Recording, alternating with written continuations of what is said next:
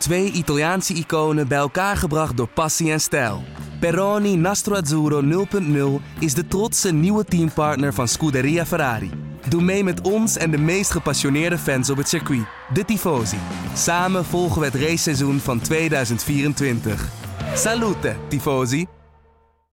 Had Max Verstappen zonder motorproblemen de race gewonnen? Wiens fout was de grote kopstaartbotsing? Hoe pijnlijk was de snelheid van Ferrari? En wat zegt de strategie van Mercedes over de spanning in het kampioenschap? De Formule 1-experts bij nu.nl geven je antwoord op al deze vragen in deze nieuwe editie van de Bordradio. Ja, here we go again. Get in there, Lewis. It's broken. It's broken. Laps the steering wheel, yeah. Yes, boys, come on. Yes. Oh, this feels good. This feels really good. Dag dames en heren en welkom bij aflevering 19 is het alweer in seizoen 3 van de Bordradio. De Formule 1 podcast van nu.nl waarin we gaan terugblikken op de Grand Prix van Toscane. Dat doe ik uiteraard weer met Joost Nederpelt en Patrick Moeken, onze experts bij nu.nl. Mijn naam is Bas Scharwachter. En heb je nou vragen voor een van ons, en vooral voor Joost en Patrick, mail dan naar podcast.nu.nl of via Twitter, de Bordradio. Veel vragen binnen gehad, maar eh, ja mannen, wat een ongelofelijke race. Ja, eh, we, we kregen een klacht van een oud eh, medewerker van ons, Lucas Benschop, dat we na Monza te veel het woord knotsgek gebruikten. Oh, is Ja. het zo? Maar ik vond deze ook gewoon weer knotsgek. Ja. Alleen wel, het was, het was een beetje knotsgek gemixt, toch met saai, omdat de vooraan niet echt spannend was. Patrick, vlieg erin, want we hadden voor deze uitzending hadden we het over dat mensen heel snel een race saai noemen. Jij ja, ik zeg, ik zeg het net nog tegen Gert Jaap, onze hoofdredacteur, over dat, eh, eh, dat ik er heel erg moe van word van die mensen die dan zelfs bij zo'n race, hè, waar we twee rode vlaggen hebben, crashes aan alle kanten, Ja, ja. geweldige gevechten eh, gezien, eh, dat ze dan zeggen, ja, eh, tussen die rode vlaggen gebeurde helemaal niks. Verklaar je nader, Joost. Waarom dan toch saai? Nee, dat is dat. Nee, het was niet saai, natuurlijk niet. Maar eh, ik bedoel, alleen al het, het, het gezicht van, van, van de auto's, eh, Formule 1 auto's, op volle bak over Mugello was fantastisch. Dus Nee, maar, nee, maar dat stukje saai meen je toch wel een klein beetje. Nou ja, er... goed, ik bedoel, het liever heb ik dan in zo'n eh, in zo'n knotsgekke race dat niet eh, weer een 1-2 is voor Mercedes. Dat is meer wat ik ermee bedoel. En, ik, eh, en, en de hoofd, allergrootste hoofdreden daarvoor is natuurlijk dat, dat Max Verstappen niet meedeed in de race. Ja, want ehm, ik kan me heel goed voorstellen dat er heel veel Nederlanders zijn die gelijk de tv uitzetten. Ik bedoel, Dat nou, er meerdere in de app, ja. Ajax eh, speelde op dat moment, PSV speelde, er was Tour de France.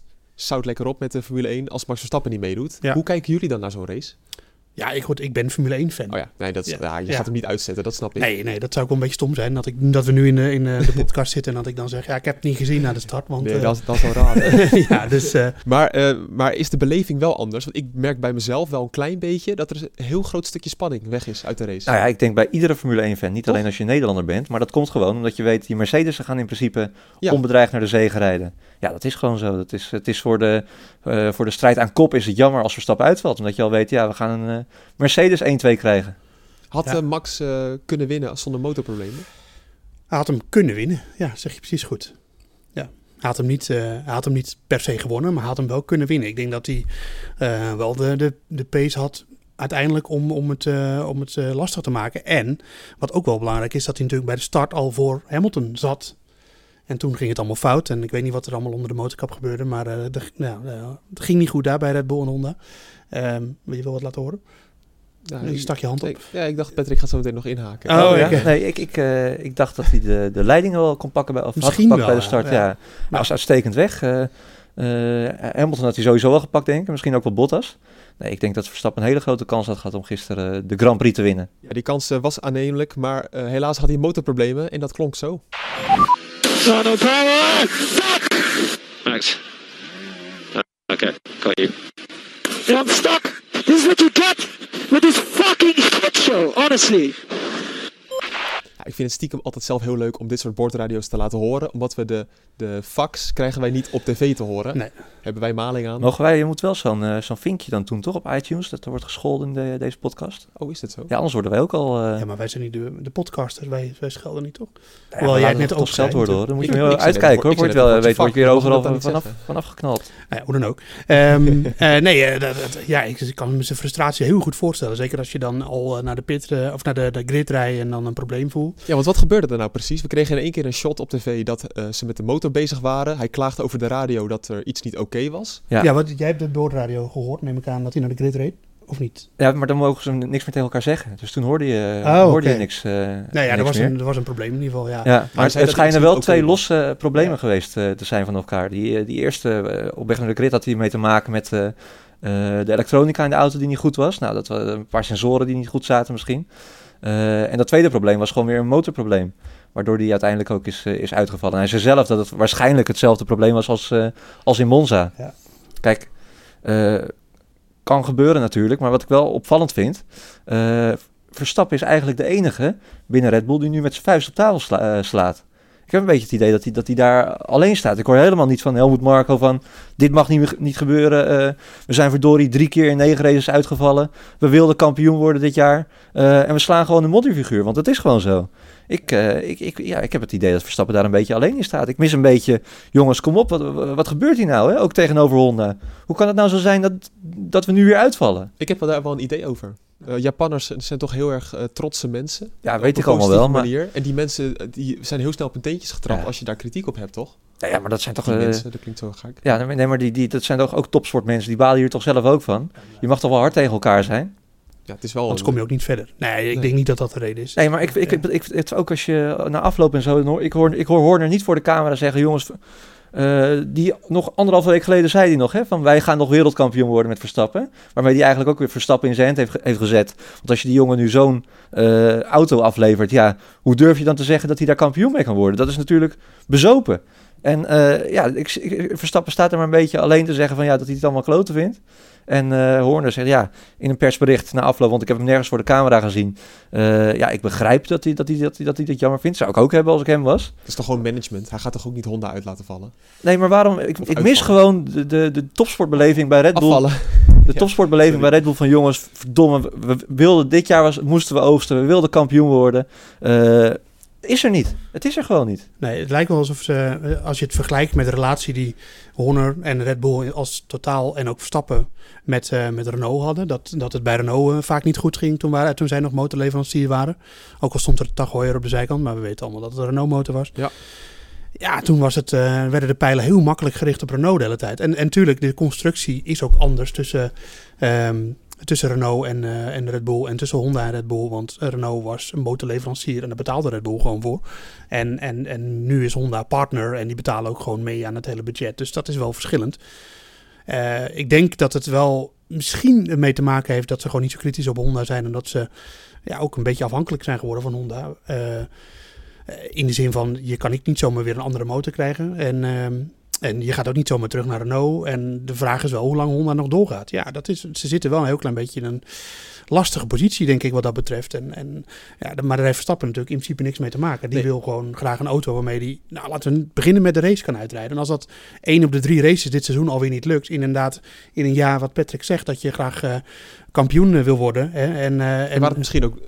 we zeiden heel lang dat het kampioenschap niet spannend is, maar het had prima gekund. Zeker na vorige week. Nou ja, eh, ja, maar Mercedes is gewoon overal sterk. Ja. Weet je wel? En, en, en, en Red Bull is, komt af en toe in de buurt. En dit, en dit weekend hadden ze... Ja, het is gewoon zonde, want ze hadden moeten oogsten. Want ze zaten echt in de buurt dit weekend. En ze hadden zeker weer één Mercedes kunnen pakken. En Verstappen is ook al twee keer, drie keer als tweede geëindigd. Dus het is niet zo dat, eh, dat Mercedes is wel dominant. Maar niet om... Niet, niet, het is, ze zijn te pakken, soms. Alleen dan moet je het wel doen. En, en ja, als je dan twee races op rij al... Een, eh, hè, we- twee races eh, waarvan eentje sowieso de, waar Mercedes ook niet won... Dan, dan profiteer je niet. Nou, daar hebben we de vorige keer uitgebreid over gehad. Door een motorprobleem en ook door een gebrek aan snelheid. En nu ben je wel sneller dan Mercedes, of misschien even snel, of misschien net zo snel. Nou, net niet. Weet je wel, het hing er een beetje om. En dan laat die auto je weer in de steek. Ja, Jelle Brugge, die vraagt zich af, en Gabor trouwens ook, twee vaste luisteraars van de show. Hoe kan het steeds dat bij de auto van Verstappen iets mis is en bij Albon niet? Ik denk dat dat steeds valt misschien wel mee, dat is nu twee keer op rij. drie keer. Ja, en in, in eh, Oostenrijk eh, had Verstappen natuurlijk ook een probleem. Maar toen had Albon ook een probleem. Wel een ander probleem, maar ook een probleem. Ja, Dat we een klein beetje genuanceerd hebben, maar hij vraagt ook nog, komt dit omdat Max de wagen meer belast? Ja, weet je, dit hebben we. grappig is dat we dit ook in de jaren dat, dat Verstappen samen met Ricciardo bij Red Bull reed, hebben we dit ook uitgebreid besproken. En toen was er een fase waarin Verstappen steeds een probleem had en Ricciardo niet. En toen dachten we ook, nou ja, goed, dat ligt er. Verstappen rijdt anders, bla bla. En vervolgens brak er een hele lange fase aan waarin Ricciardo steeds een probleem had en, en Verstappen niet. En toen zei niemand dat Ricciardo te veel van de auto vraagt. nee, dus dat is gewoon, dat is gewoon domme pech. En, eh, en eh, soms zit je gewoon in een cyclus en dan, ja, weet ik veel. Er, zitten, er kunnen zoveel factoren zijn waardoor dat is. En, en het, het kan best wel zijn dat er een aanwijsbare reden is waarom er nu meer Verstap- eh, problemen bij Verstappen zijn. Maar dat, het komt niet door Verstappen en het komt ook niet omdat het team bewust beter met de ene auto omgaat dan eh, de andere of de coureur. Dat is gewoon eh, toeval. Ik Ja. vond ook een hele mooie vraag van Jan Wierken, of Jan Wirken, sorry als ik het eh, goed uitspreek. Eh, voor Patrick, na Q3 gaan de auto's in Park Vermee en er wordt er niks meer aan het pakket veranderd eigenlijk. Hoe kan het dan dat vlak voor de race er dan toch een probleem wordt geconstateerd? Ja, dat is, dat is denk ik gewoon puur, eh, puur toeval met je, met je setup. Je start die auto op. Hè. Die motoren worden altijd eerst even warm gedraaid in de, in de pitbox. Wel een geweldig geluid als je weet, als je erbij bent, dat je al in de verte die motoren al zo eh, warm hoort draaien. En dan wordt alles gewoon gecheckt. Dus het kan zijn dat er dan een storing naar boven komt. En dat is gisteren ook, ook gebeurd. Ja, dat is gewoon pure pech dat het uitgerekend nu gebeurt. Want ze hadden eigenlijk gewoon een foutloos weekend.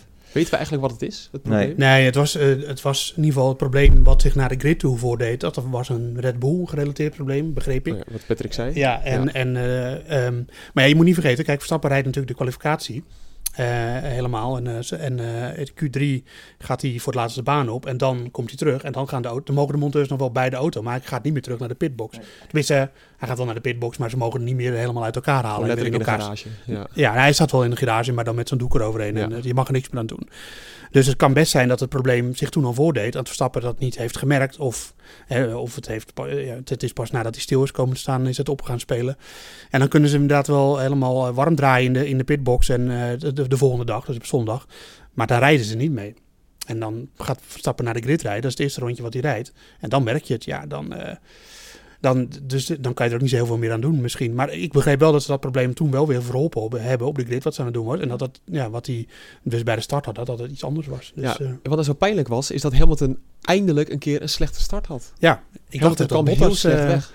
Bottas heeft natuurlijk een hele hoop slechte starts al gehad dit jaar. En, eh, maar die had nu een keer een goede start. Ja. De eerste start. Patrick, jij zei, hij had gewoon P1 gelegen Ja, aan het einde van de bocht. dat, dat, ik denk dat hij een hele goede kans had gehad om, eh, om, om allebei die Mercedes-coureurs te pakken. Jazeker, ja, het was ook, eh, je zit dan live mee te luisteren ook met Verstappen en je hoort dan na 10 seconden dat hij schreeuwt van eh, no power, no power. Ja, dat eh, waardeloos ook. Hij zei ook van ja, het is heel goed, of het is, het is, logisch dat we in, in dat gedrang komen te zitten en dan uitvallen, want ja, daar we natuurlijk nooit moeten komen. Daar begint het hele probleem. Dus ja, Ja. het, is, het is ontzettend zuur. En dan noemt hij zelf op de bordradio, wat je net hoorde, de shit show. Ja. Eh, voor de duidelijkheid, hij bedoelde daar niet Red Bull of Honda mee. Hij bedoelde gewoon de coureurs achter zich, hè?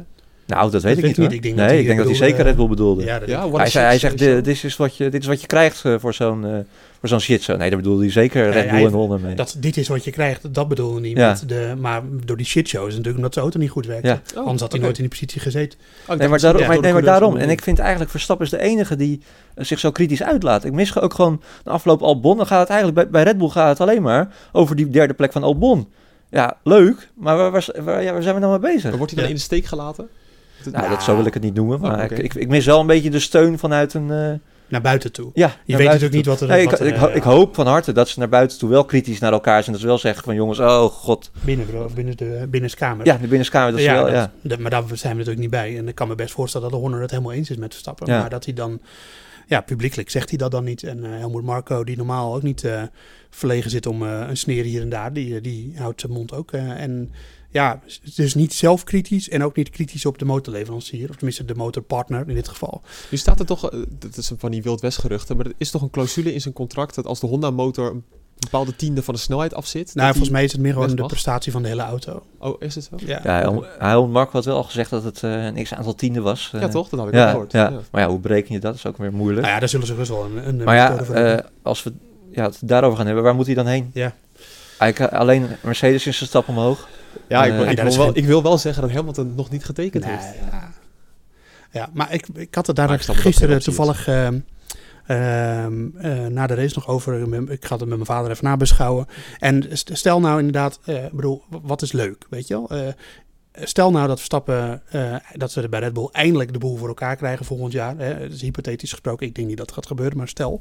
En hij kan echt Mercedes aanvallen en hij kan dan Mercedes verslaan met Hamilton in de Mercedes en dan wereldkampioen worden hoeveel is je titel dan waard? Vergeleken met hij gaat naar Mercedes, Hamilton gaat met pensioen en hij wordt kampioen met de Mercedes. En bij Red Bull rijden Albon en Gasly dan, denk ik.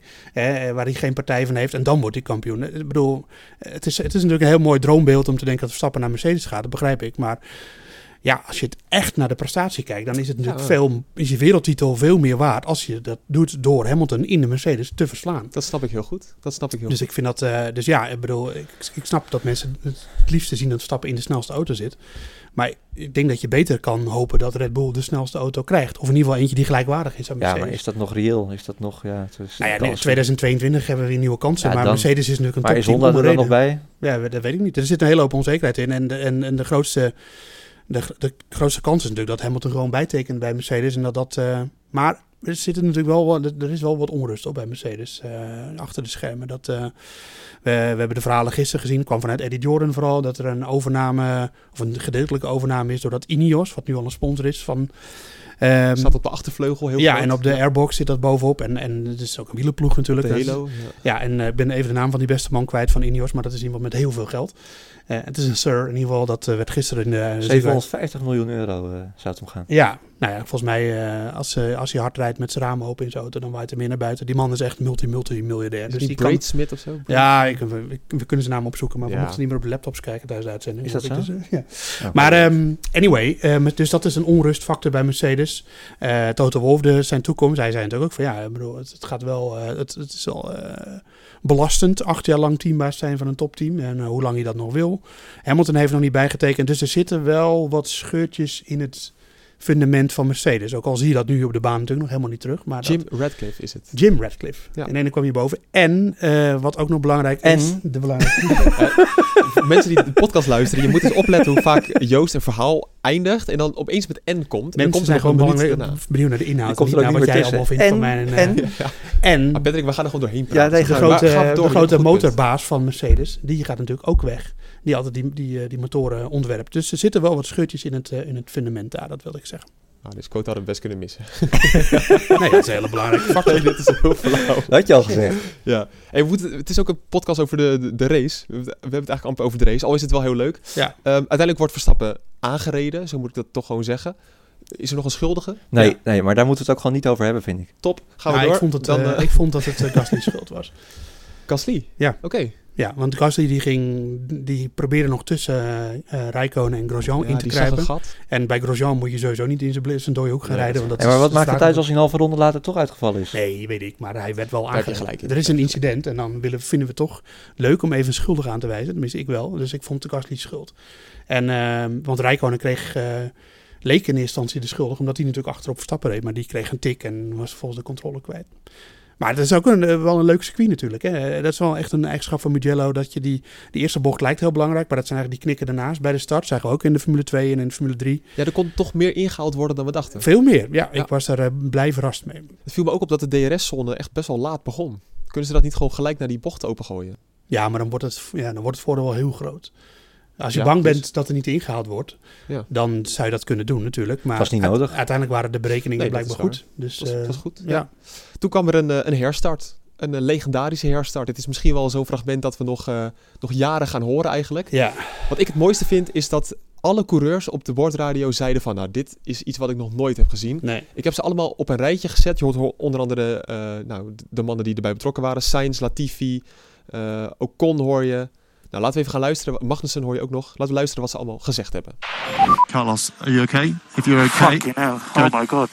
if you're okay, That's dangerous. Fucking hell. Fuck. Okay. All right. You all right, Kevin? Are you okay? Yeah. That was fucking massive, man. Sorry. Fuck. what is the leader's doing? Like he's accelerating, going, accelerating, going. It's ridiculous. Whoever's in the lead. Antonio, are you okay? Yeah, well, what what the fuck they're doing, honestly. That was fucking stupid from whoever was at the front. They want to kill us or what? Fucking hell. Whoever did that should be fucking banned. Fucking hell. Uh, Let me know when everyone's okay. And the tires are completely squared. This is the worst thing I've seen ever. We moeten echt dat, eh, dat, dat icoontje hebben dat er gescholden wordt. Want dit is gewoon een grote Ja, dat is wel waar. vakker de vak. eh, Eén grote shitshow. ja. Maar goed, dat was het ook wel. Ehm, wij hebben net op de redactie nog even die crash teruggekeken van Joosten en ik. Wie is nou kunnen we een schuldige aanwijzen? Is dat flauw? Of, Ehm, erover het was in ieder geval niet de schuld van Bottas. Laten we dat even voorop stellen. nou, dat, ja, dat is dus de vraag. Nou, nee, al die coureurs, je hoort het eigenlijk Ja. ze allemaal zeggen. Ja. Wie was die leader in front? Ja, maar de leader in front die deed gewoon wat hij mag doen. Dat Dus dan, dat die, die, die hield zich gewoon aan de regels. Dus dan zijn de regels niet goed of iemand daar achterin deed niet het goede. Ja. En wij hebben, net waren we het eens over dat, dat, het, dat het toch Latifi, Latifi een beetje was die uiteindelijk eh, accelereerde en toen schrok van Magnussen en weer eh Magnussen ontweek. En daardoor kon Giovinazzi niet meer, eh, de, die kon Magnussen nooit meer ontwijken. Ja. En het kwam ook een beetje omdat Russell liet een wat groter gat. Ja, en daardoor kwam het harmonica-effect in werking. ja. En Latifi schrok daarvan. En, ja, ik, ja goed. ik vind het ook, Ook een beetje eh, een beetje vervelend om Latifi daar de schuld van te geven. Want ik Het is gewoon een ongelukkige samenloop Ja, van omstandigheden uiteindelijk. Kijk, wat ik ook maar wel wil... levensgevaarlijk, hè? Ja, maar v- vooral ook van de, eh, van de engineers die die coureurs dat niet verteld hebben, vind ik. Eh, je weet dat Bottas eh, heel laat op zijn gas gaat daar. Want als Bottas al eh, bij het eind van de rechte stuk op zijn gas was gegaan, dan was hij het haasje geweest. Ja. Eh, dus je weet dat hij, dat hij heel laat gaat. Eh, nou, dan, moet je toch op ingesteld zijn. Plus dat het hele weekend, eh, als je nou een beetje naar de Formule 2 en de Formule 3 gekeken hebt, daar gebeurde het ook de hele tijd. Dus eh, ja, ik, ik vind het vooral... en ook aan die coureurs zelf trouwens. Je kan toch zelf ook wel een beetje nadenken dat je pas heel laat op het gas gaat daar zo. Nou, ik, in de Amerikaanse sport hebben ze natuurlijk altijd rijdende, rijdende, ro- rollende starts. En daar zie je dit wel vaker gebeuren bij NASCAR. En IndyCar heb ik het dit jaar nog gezien. Dus, ehm, het, dus het komt voor. En eh, de, het voorbeeld wat, wat je aan kan halen waar het ook eh, had kunnen gebeuren, maar niet gebeurde, was Brazilië vorig jaar. Toen Verstappen eh, aan kop lag en helemaal wachtte tot aan de... en Hamilton deed later hetzelfde. Dus dan hebben we ook drie sta- restarts gehad of zo. Alleen dat circuit loopt in een bocht, het rechtstuk in ieder geval. Dus dan kunnen de coureurs veel beter naar voren zien wat er gebeurt. En dit, het kwam misschien ook door dat heuveltje. Ja. Want je had nog een heuveltje die zo een klein kinky voor achter op het rechte stuk. Ja. Waardoor je ook een beperkt zicht had natuurlijk. Volgens mij, die jongens die achterin reden, die konden Bottas sowieso natuurlijk niet zien. Zo, maar ook En- de onboard van Giovinazzi bijvoorbeeld. Die reed echt in zonder dat hij idee had wat er ging gebeuren. Ja, Die Latifi ging opzij en daar was een ene Magnussen, ja. Nee, die, die kon er sowieso niks aan doen. En eh, Latifi die was misschien wat te gretig, had ik het gevoel. En eh, ja, dat Russell dan zo'n gat laat vallen. Maar dat is het, wat Patrick zegt, van omstandigheden. En eh, het, is ook, het heeft te maken met dat, dat vonden de coureurs, dat is de lichten van de safety car heel laat uitgingen. Dus dat het heel, pas heel laat duidelijk werd dat er een herstart was. Ik vond dat een beetje een slap excuus eerlijk gezegd. Want ze horen dan, neem ik aan, toch wel gewoon van een engineer van eh, eh, safety car in this lab. Ik Dus heb van dan- al deze mannen de bordradio's geluisterd en allemaal kregen ze dat te horen. Ja, dus dus dat is dat onzin. is onzin. En, eh, Maar het, het zit er meer in dat je voorheen, vroeger, opa vertelt, toen had je de safety car lijn, dat is volgens mij dan tot twee jaar terug, en die lag eerder op het rechte stuk. En vanaf daar mocht je inhalen. Dus dwing je de coureur die aan, vooraan ligt om eerder op het gas te gaan. Ja. En toen zag je ook vooral, sorry, ik moet het even afmaken, zag je ook vooral dat, dat ze gewoon al voor het rechte stuk op het gas gingen. Dus twee bochten ervoor of zo. En nu gebeurt dat pas op het rechte stuk. Ja, en dan krijg je dit. En het is toch een beetje een keuze om de show te vergroten, denk ik. Ja, ik wil even de naam van Maaike van der Zee eh, noemen, want zij mailde ons om 15 uur 42. Dat was dus gewoon midden tijdens de rode code rood situatie. Eh, leuk Maaike dat je dat goed doet en dat je aan ons denkt op dat moment. Zij vraagt ook van, eh, moet je niet wachten met inhalen tot je over de startstreep gaat? Dat is zo. Dat is gewoon... Ja, dat is nu zo, maar dat was niet zo. Eh, in, in het verleden lag er eerst de safety car lijn en die lag gewoon veel ver- verder voor de, voor de finishstreep. Dus daar kwamen ze eerst overheen en dan mocht je vanaf daar al inhalen. En, en dan heb je niet meer die situatie dat je dus op het rechte stuk zo lang aan het wachten bent. eh, tot je, want, want degene die achteraan rijden, die kunnen natuurlijk ook niet zien wanneer degene vooraan over de streep is. Eh, dus dat is gewoon, ja, het is een beetje tricky. En dan kan dit gebeuren. En ik- als ze daar niks aan doen, Mugello is dan natuurlijk wel Door die heuvel die er nog in zit eh, en dat soort dingen is het misschien wel het meest onoverzichtelijke en een heel lang rechtstuk, meest onoverzichtelijke plek. Dus, eh, en ja, dat je nog een keer naar Mugello gaat, die kans is natuurlijk niet zo groot, maar, maar het gaat wel nog een keer gebeuren op deze manier. Dat, als je dit zo laten, dat, kan ik je garanderen. Kregen we een hele interessante herstart met Bottas op P1 eh, en Hamilton erachter. Dat is al sowieso genieten natuurlijk. Eh, jullie kijken me glazig aan, dat klopt Ja, de, de, de, de- naar de rode vlag situatie. Eh, Na de rode vlag situatie, Ja, ja. zeker. Eh, Albon die reed toen op P4, maar zakte er ook weer een beetje weg. Leclerc ging naar drie. Ja. Eh, leuke, interessante ontwikkelingen. Ehm, Albon had trouwens sowieso een slechte herstarts de hele tijd. Dat, ja, dat, daar wil ik het eigenlijk over hebben. Ja. Zometeen komt er nog die nieuwe herstart. Nou, toen eh, ging het al wat minder. Maar hier verloor hij echt een paar plekken. Ja. Ja. Drie of vier, meen ik. Ja, volgens mij kwam het ook omdat hij aan de buitenkant zat en eh, vervolgens een beetje opgesloten raakte. Zeker. Maar eh, ja, dat is eh, Albon die. we zijn de laatste weken natuurlijk heel kritisch geweest over Albon.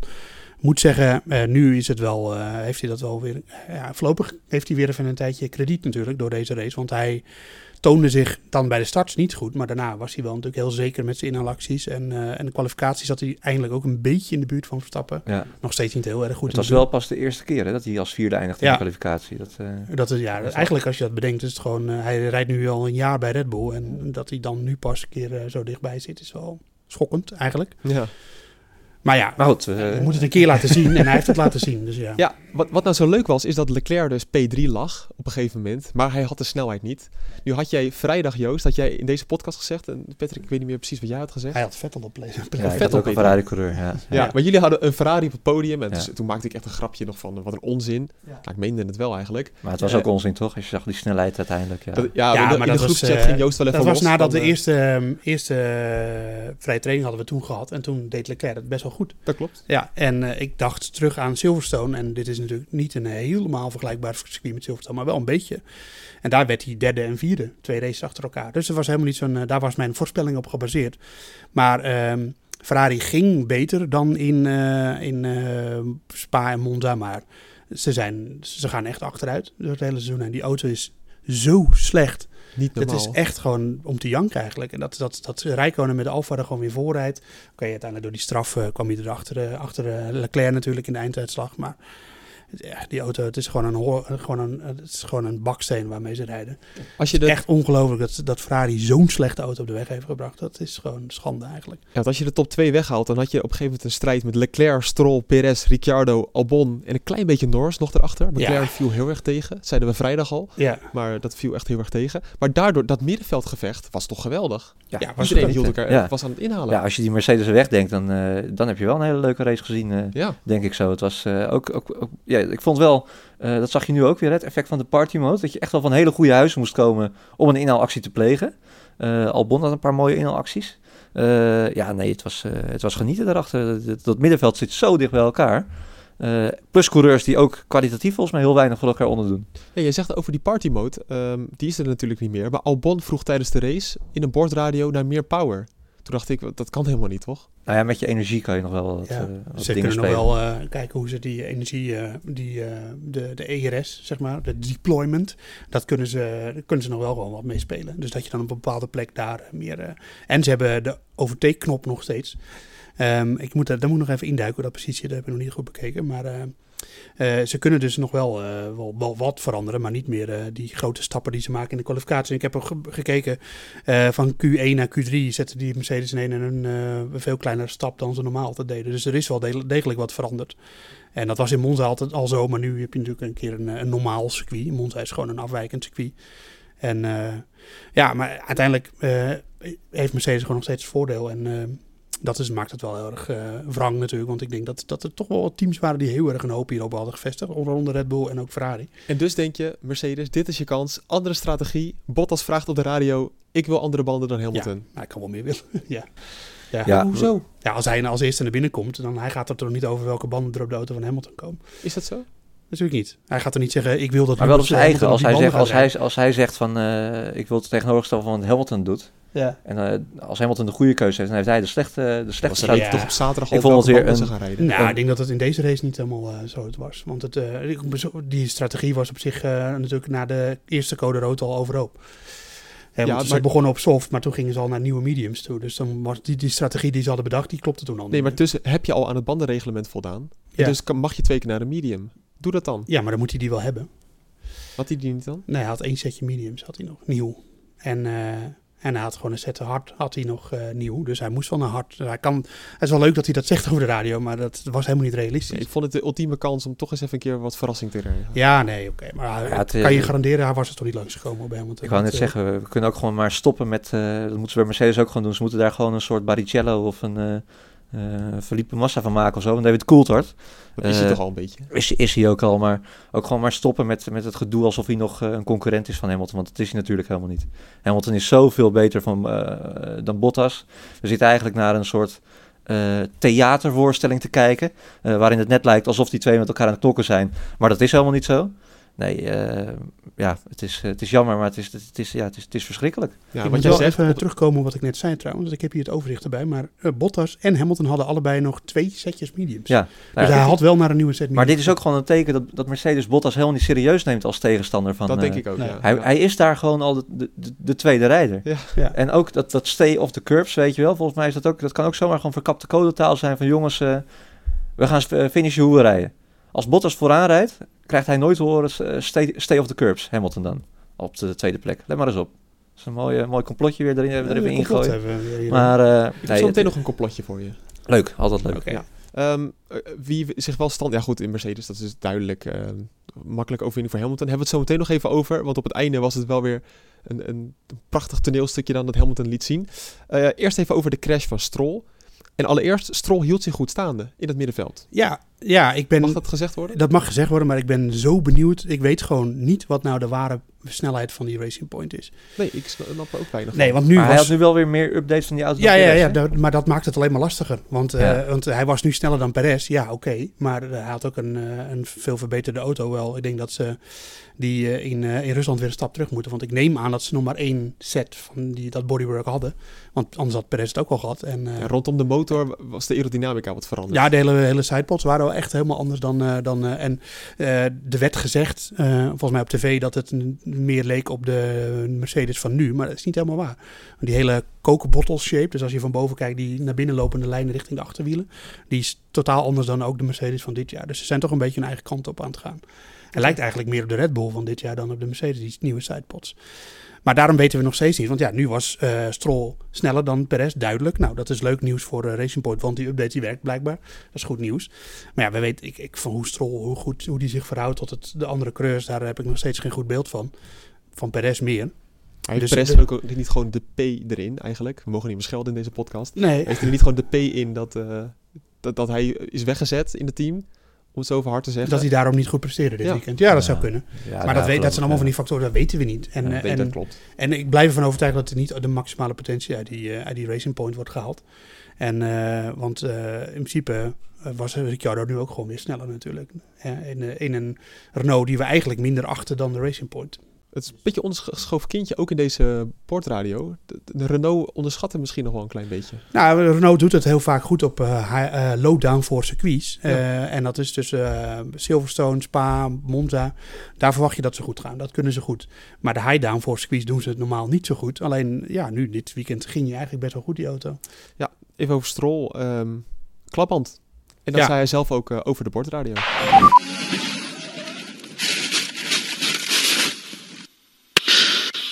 I puncture. What, what happened, Lance? I got a puncture. Ik vind het een hele rare bordradio. Ja, Maar ik vond het ook opvallend dat die engineer niet gewoon eerst even zei... Hallo, gaat het wel goed met je? Het was echt een flinke klapper. ja, nou ja, goed. Ja, Ja, misschien heeft hij dat ook wel gezegd. Dat, Nou, eh, nee, ik, ik heb, ja, ik het heb dat helemaal nu niet klaarstaan, maar het kwam echt pas een halve minuut later. Eerst van de P, P0 en Mode 10 en zo, dat allemaal. En toen pas wel, gaat het trouwens met je? Meestal vragen ze dat wel meteen. Maar, Ja. eh, Ja, ja. dacht ik ook. Misschien, ging hij er, of misschien had hij wel beeld en zag je hem al bewegen. Dus ja, dat zou kunnen. Dat zou kunnen, ja. Dat Ja. zou kunnen. Nou ja, het was een, eh, een harde klapband. Want eh, je zag de stukken rubber zag je gewoon voorbij vliegen. nog op zijn boordradio, of op zijn onboardcamera. En ik denk dat hij even bij moest komen. Maar ja, hij, had in principe wel de snelheid om gewoon ook mee te knokken voor die laatste podiumplaats. Alhoewel ik denk dat hij Albon niet had kunnen hebben hoor. Maar hij deed het best goed, Stroll. En eh, ik moet zeggen, ik ben best wel positief eh, over hoe hij dit seizoen ja, hij bleef wel verreweg zijn beste seizoen eh, tot nog Ja, toe. Ook in de beste auto waar hij tot nu toe Ja, mee heeft gereden. Maar, eh, Kijk, en maar hij heeft, hij, kijk, eh, ieder andere coureur die was al na twee jaar uit die auto gezet. Hè? De Stoffel van Doornes en de Julian Palmers van deze wereld. Maar hij heeft te langer de tijd gehad om zich te bewijzen in de Formule 1. En ik moet nu zeggen, dit seizoen eh, grijpt hij die kansen echt wel aan. Ongelooflijk. We worden gewoon positief over hem. ja, ik, ja. ja. ja, ja. Niet normaal. Hey, Ik- toen kwam er een, een rode vlag. En ehm, dat kan toch bijna geen toeval zijn? Want dat kan Ferrari wel heel goed Nou, uitboeken. nou toch eens op met die uh, complotten. Ja, dat is toch een complotje? Ja. Want Leclerc die reed een beetje in verslagen positie. Toen kwam die rode vlag en toen kwamen ze weer terug in de race. Ja, maar eh, we een boordradio? Of, eh? Ja, ik kan hem wel even laten horen. Ja, er is iemand die bevestigt dat het gewoon een complottheorie is. Oké. Komt hij aan? And red flag, red flag. Is it done on purpose, the red flag? I mean, good for us, but uh, Yes, let's concentrate on our job. Dit is eh, Charles Leclerc. En die zegt, eh, i- deed het dan, is het eh, expres bewust? Is het bewust gedaan, die rode vlag? Ja, nee. Natuurlijk niet. Nee, nee als je zich, eh, zag hoe die bandenstapel erbij lag, toch? Dan eh, die was helemaal zwaar eh, kapot. Ik vind het... En- eh, vind het veel- sorry, ga verder. Ja. En eh, ik, ja, kijk, als je, als je ziet hoe Leclerc bij die eerste herstart al helemaal zoek gereden werd, ja, dan had hij bij de tweede herstart had hij ook eh, weinig kans uiteindelijk. Nee, ik vind het beter dat ze dit doen. Want het, eh, anders hadden we twaalf rondjes achter de safety car Ja. gehad. Want voordat die auto van Stroll eens een keer weg was. Kijk, je moet niet vergeten dat de Mu- Mugello is een motorcircuit. En dus de gaten in de vangrails die zijn heel anders aangelegd dan op een autocircuit. Eh, want eh, ja, een, gat, eh, een motor kan door een kleine gat door een auto. Dat hoef ik je niet uit te leggen. Eh, dus eh, toch, je keek heel eh, verbaasd. Maar eh, dus dat is een probleem. En dat zagen we in de, GP, of de Formule 2 en Formule 3. Zagen we dat al, eh, dat fenomeen al een beetje. Dus dan is die graaf, eh, de machine is veel langer bezig. Ja, dan gaat er weer zo'n gedeelte van de race gaat, gaat zoek achter de safety Ja. car. Dus dan heb ik liever dat ze hem gewoon eh, stilleggen. Ik vind het wel een uitstekende beslissing weer van eh, Michael Masi. Ja, al, geweldig. Al vaker gezegd, maar die man die ver- verricht hartstikke goed, eh, goed werk. Zeker. En Ja. ja. ja, in, in Silverstone eerder dit jaar had hij misschien achteraf ook wel gedacht van ja, toen reed ook iets van 15 rondes achter de safety car of zo. Van, eh, waarom heb ik daar geen code rood gedaan? Maar je zag het eigenlijk nooit in de Formule 1 een code rood. Nee, behalve eh, bij zware regenval of zo. Of, eh, eh, maar nu dus gewoon oh, ja, om, om- voor zo'n reparatie. Hè, al, is het, al is het ook maar 20 minuutjes of zo dat je dan stilstaat. Ja, uitstekend. Komt, eh, komt de sport al, als, alleen maar te goede. Ja. Ik zou bijna willen zeggen van dit wil ik gewoon elke race wel zien. Maar de pauzes zijn wel lang, hè? Ja, en het moet ook geen, eh, het moet ook geen, eh, geen truc worden. Maar alleen nu heb je gewoon eh, ook de reparaties aan de bandenstapels op het misschien wat gevaarlijkste punt van het circuit. Dus dat is heel logisch dat ze daar gewoon... Nee, maar vijf jaar, ja, vijf jaar geleden, als je 20 minuten, mi- minuten eh, zo'n bandenstapel moest maken, ik weet zeker, dan kwam er gewoon een safety car. Ja. En nu durven ze gewoon een code rood neer te leggen. Met ook nog eens een staande, her- eh, staande start erachter. Ja. Ja. Drie Ja. keer spektakel. Ja, het, het, het moet natuurlijk wel. eh, je moet wel zorgen dat je de entertainmentwaarde vooral uit de competitie zelf komt en niet uit de, de, de regels. Hè, die worden, want dat, ik, dat, ik zag laatst een goede tweet van. Formule 1 is de meest geavanceerde eh, vorm van autosport. Eh, NASCAR is entertainment als autosport. En IndyCar is gewoon pure race, zeg maar. En, en Formule 1 zit er altijd een beetje tussenin, maar dat moet niet naar NASCAR. Ik vind NASCAR heel tof, maar dat, dat hoort gewoon bij die sport dat het daar allemaal... Alles is geënt op dat de spanning zo groot mogelijk is. Ja, en caution is daar echt een soort van de, de champagne kan Ja, het hoort er toch? gewoon bij. En als, Ja. er, eh, als er op een Kunnen ze ook gegeven moment... reclameblokken doen. Hè? Soms Ja. eh, als, een, als ze reclame nodig hebben, dan gooien ze gewoon een, eh, een leeg petflesje op het circuit of zo. Dan kunnen we weer een caution doen. Ja, Dan, dat heb ik ze nooit zien doen. nou, dat scheelt niet veel. Is dit weer een complotje? Ja, dat is Patrick complotmoeken. Nee, ik heb wel eens gezien, of, eh, g- dat, ik weet niet of ik dat zelf zie, maar een coureur die zelf graag een caution wilde en toen vanuit zijn auto wat op de baan gooide. Het een, Nou, eh, het is bijna hetzelfde. Nee, het is niet helemaal hetzelfde. Dat is niet omdat er reclameblokken eh, moesten komen, maar omdat hij dat zelf graag wilde.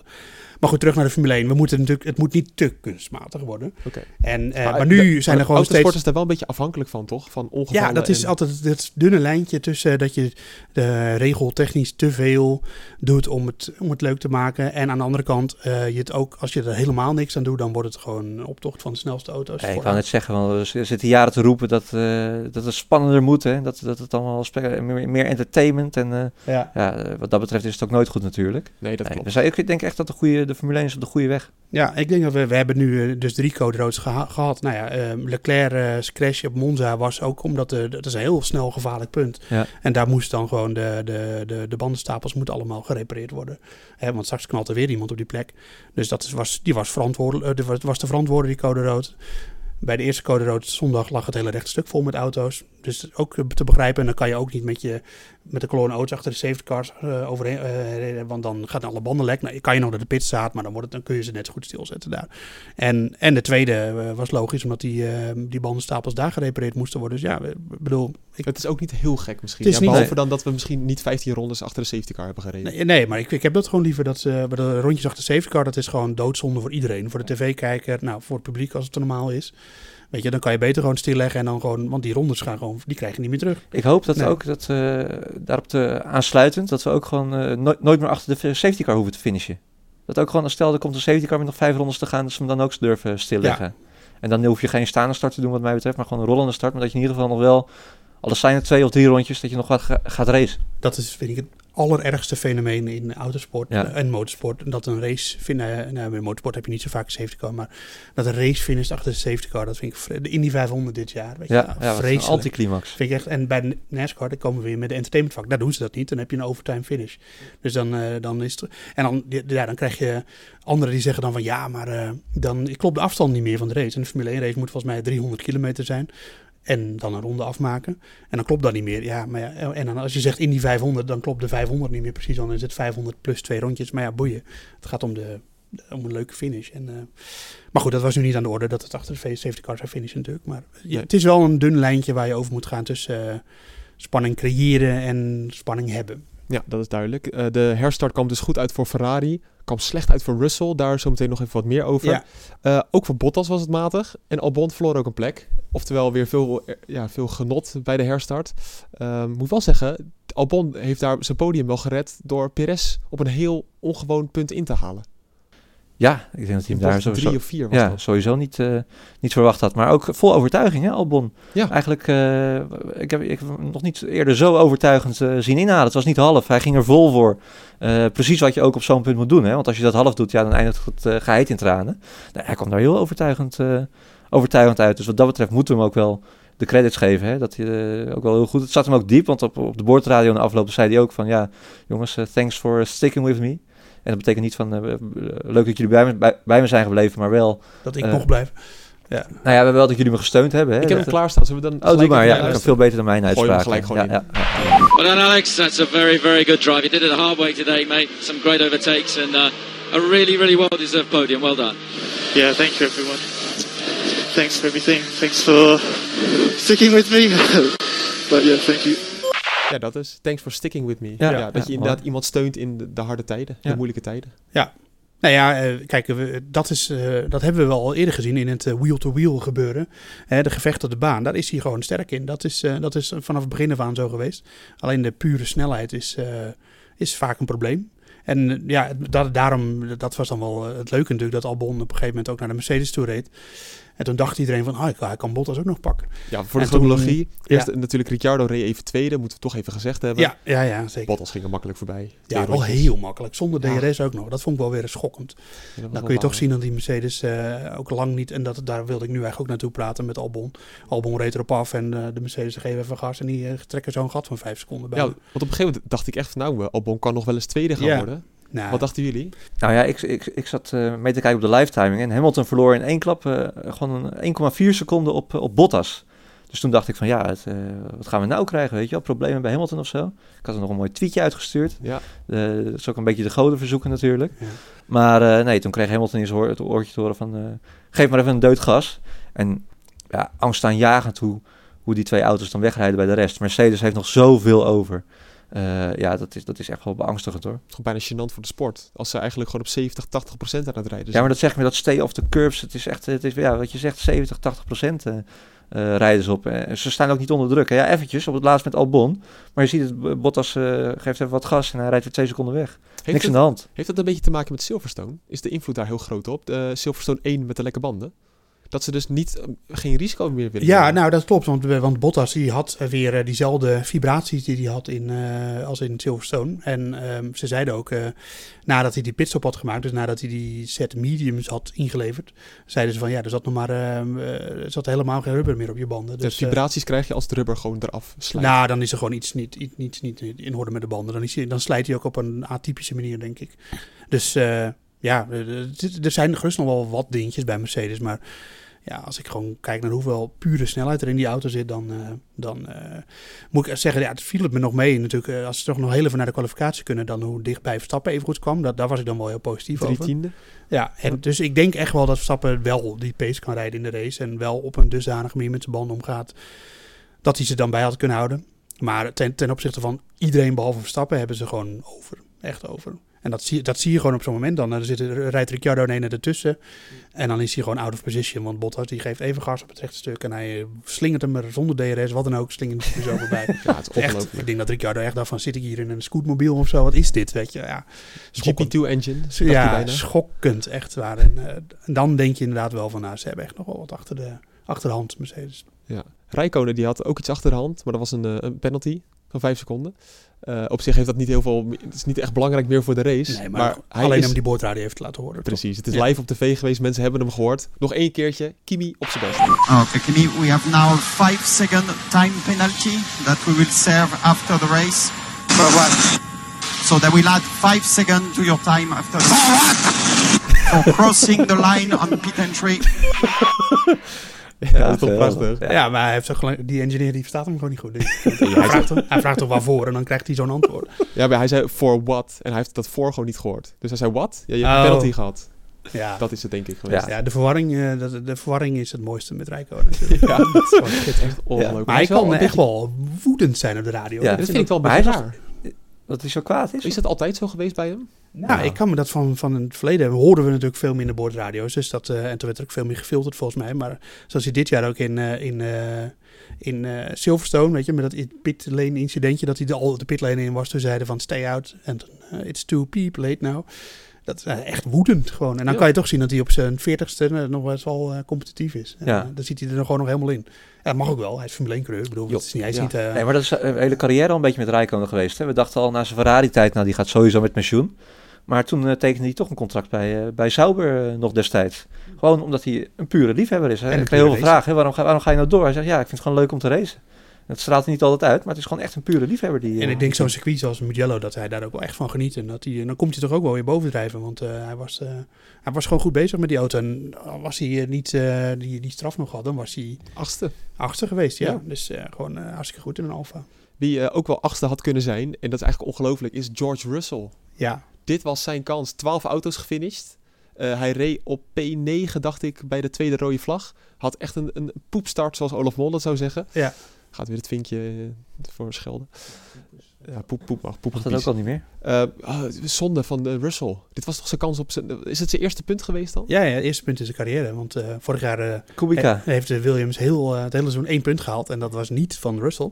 Nee. En dit seizoen eh, is ja, toch wel een paar keer een Q2. Maar in de auto, eh, die zit er in de race vaak gewoon niet bij.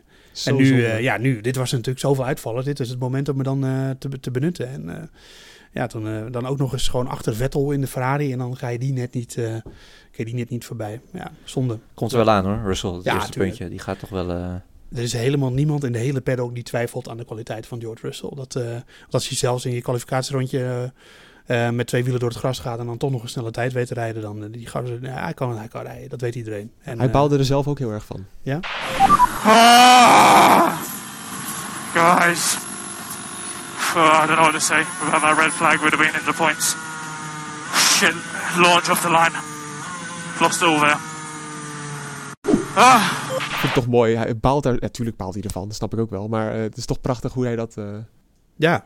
Ja, en als je dan bij de start ook nog eens geklopt wordt door een Ferrari, door de Ferrari van nu, dan, eh, wat eigenlijk gewoon een baksteen op wiel is, dat is toch wel... eh, Steen op. ja, het, is echt, echt- het is echt pijnlijk. het is echt gewoon pijnlijk. Ja, pijnlijk. Dan is hij ook nog een mooie kleur gespoten dit weekend. Ik vond het echt mooi. En dan is het echt, ontluisterend hoe makkelijk Leclerc ook, om dan even door te ranten over hoe makkelijk Leclerc ook door die andere jongens wordt ingehaald. joh.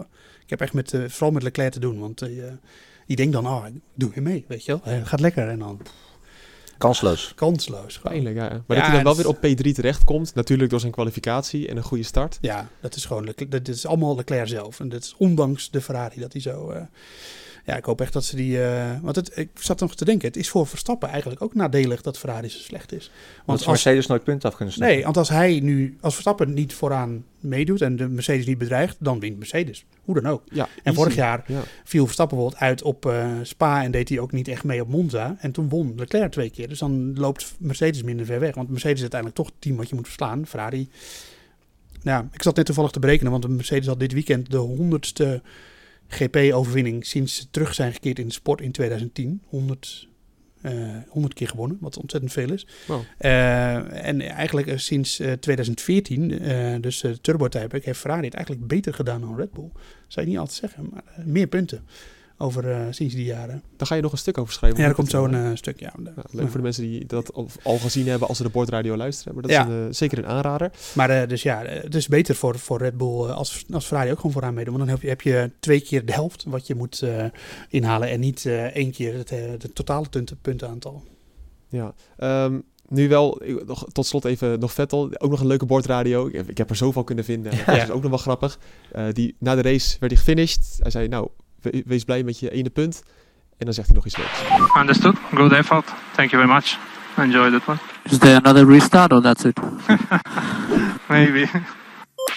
Dit is ook de allereerste keer dat ik de engineer van Ferrari heb horen lachen. Ja, Ja, Hij is altijd zo serieus. P1, Sebastian. Dat hij kan dus wel lachen, ja. ja. Ja, Kijk, er is ook een soort gelaatheid inmiddels bij Ferrari. Van, ja, situatie geaccepteerd, het is niet anders. En, Ja. eh, Ja. Heel kort, nog even het NuSport GP-spel. Want dat is, dat is een, een slagveld geworden. Ja, het is... eh, ik, ik heb eindelijk een keer het beste gescoord van ons drie. Het is ongelooflijk. Als ik Is meteen eh, los mag gaan. Even het bumpertje nog. Oh, we hebben een bumpertje. Ga door.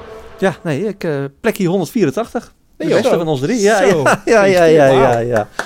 Ja, Bas op plekje 214 en Joost op eh 269. Dus eh, ja, go- goed gedaan Joost. Eh, trots op je. Drie van mijn vier coureurs uitgevallen. Ja, Ja, en Gasly Gasly, Stroll en Verstappen. En Verstappen, ja, daar ga je al. Dus ik had alleen Bottas. Ja, had ik ook. Ja. als je alleen een Bottas drijft, dan eh, gaat het niet goed. Peter van Wijnbergen, die had het eh, veel beter gedaan dan wij. Die had een eh, team met Ricciardo, Gasly, Perez en Hamilton. Dan had je nog best aardig, eh, best aardig gescoord.